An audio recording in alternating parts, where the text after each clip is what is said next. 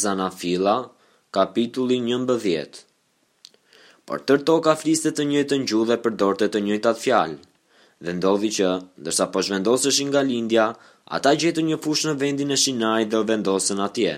Dhe i thanë njëri-tjetrit, Eja të bëjmë tulla dhe t'i pjekim me zjarr. Dhe përdorën tulla në vend të gurëve dhe bitum në vend të llaçit. Dhe thanë, Eja të ndërtojmë për vete një qytet dhe një kullë maja së cilës të arrijë deri në qiell dhe t'i bëjmë një emër vetes që të mos shpërndahemi mbi faqen e tërë dheut. Por Zoti zbriti për të parë qytetin dhe kullën që bijtë e njerëzve ishin duke ndërtuar. Dhe Zoti tha, Ja, ata janë një popull i vetëm dhe kanë të gjithë të njëjtën gjuhë. Dhe kjo është ajo që ata filluan të bëjnë. Tani asgjë nuk ka për t'i penguar ata të përfundojnë atë që kanë ndërmend të bëjnë. Eja, të zbresim pra atje poshtë dhe të ngatërrojmë gjuhën e tyre në mënyrë që njëri të mos kuptojë të folurën e tjetrit. Kështu Zoti i shpërndau mbi faqen e tërë dheut dhe ata pushuan së ndërtuari qytetin. Prandaj këtij vendi iu dha emri i Babelit, sepse Zoti aty ngatërroi gjuhën e tërë dheut dhe i shpërndau mbi tërë faqen e dheut. Këta janë pasardhësit e Semit.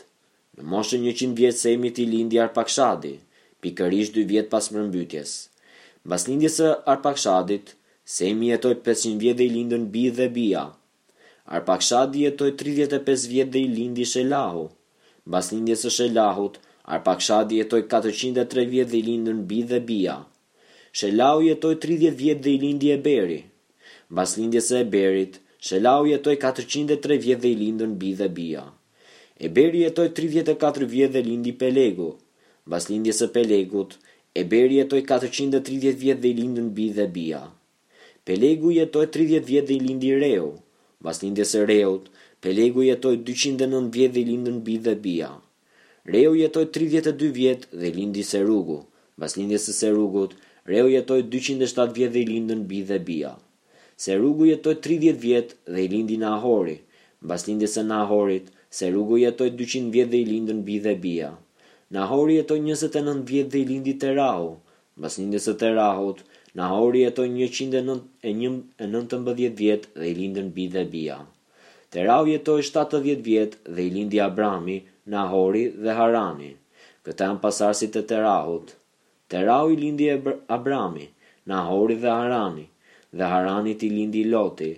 Harani i vdiq në prani të Terahut, babait të tij, në vendlindjen e tij, në Ur të Kaldeasve.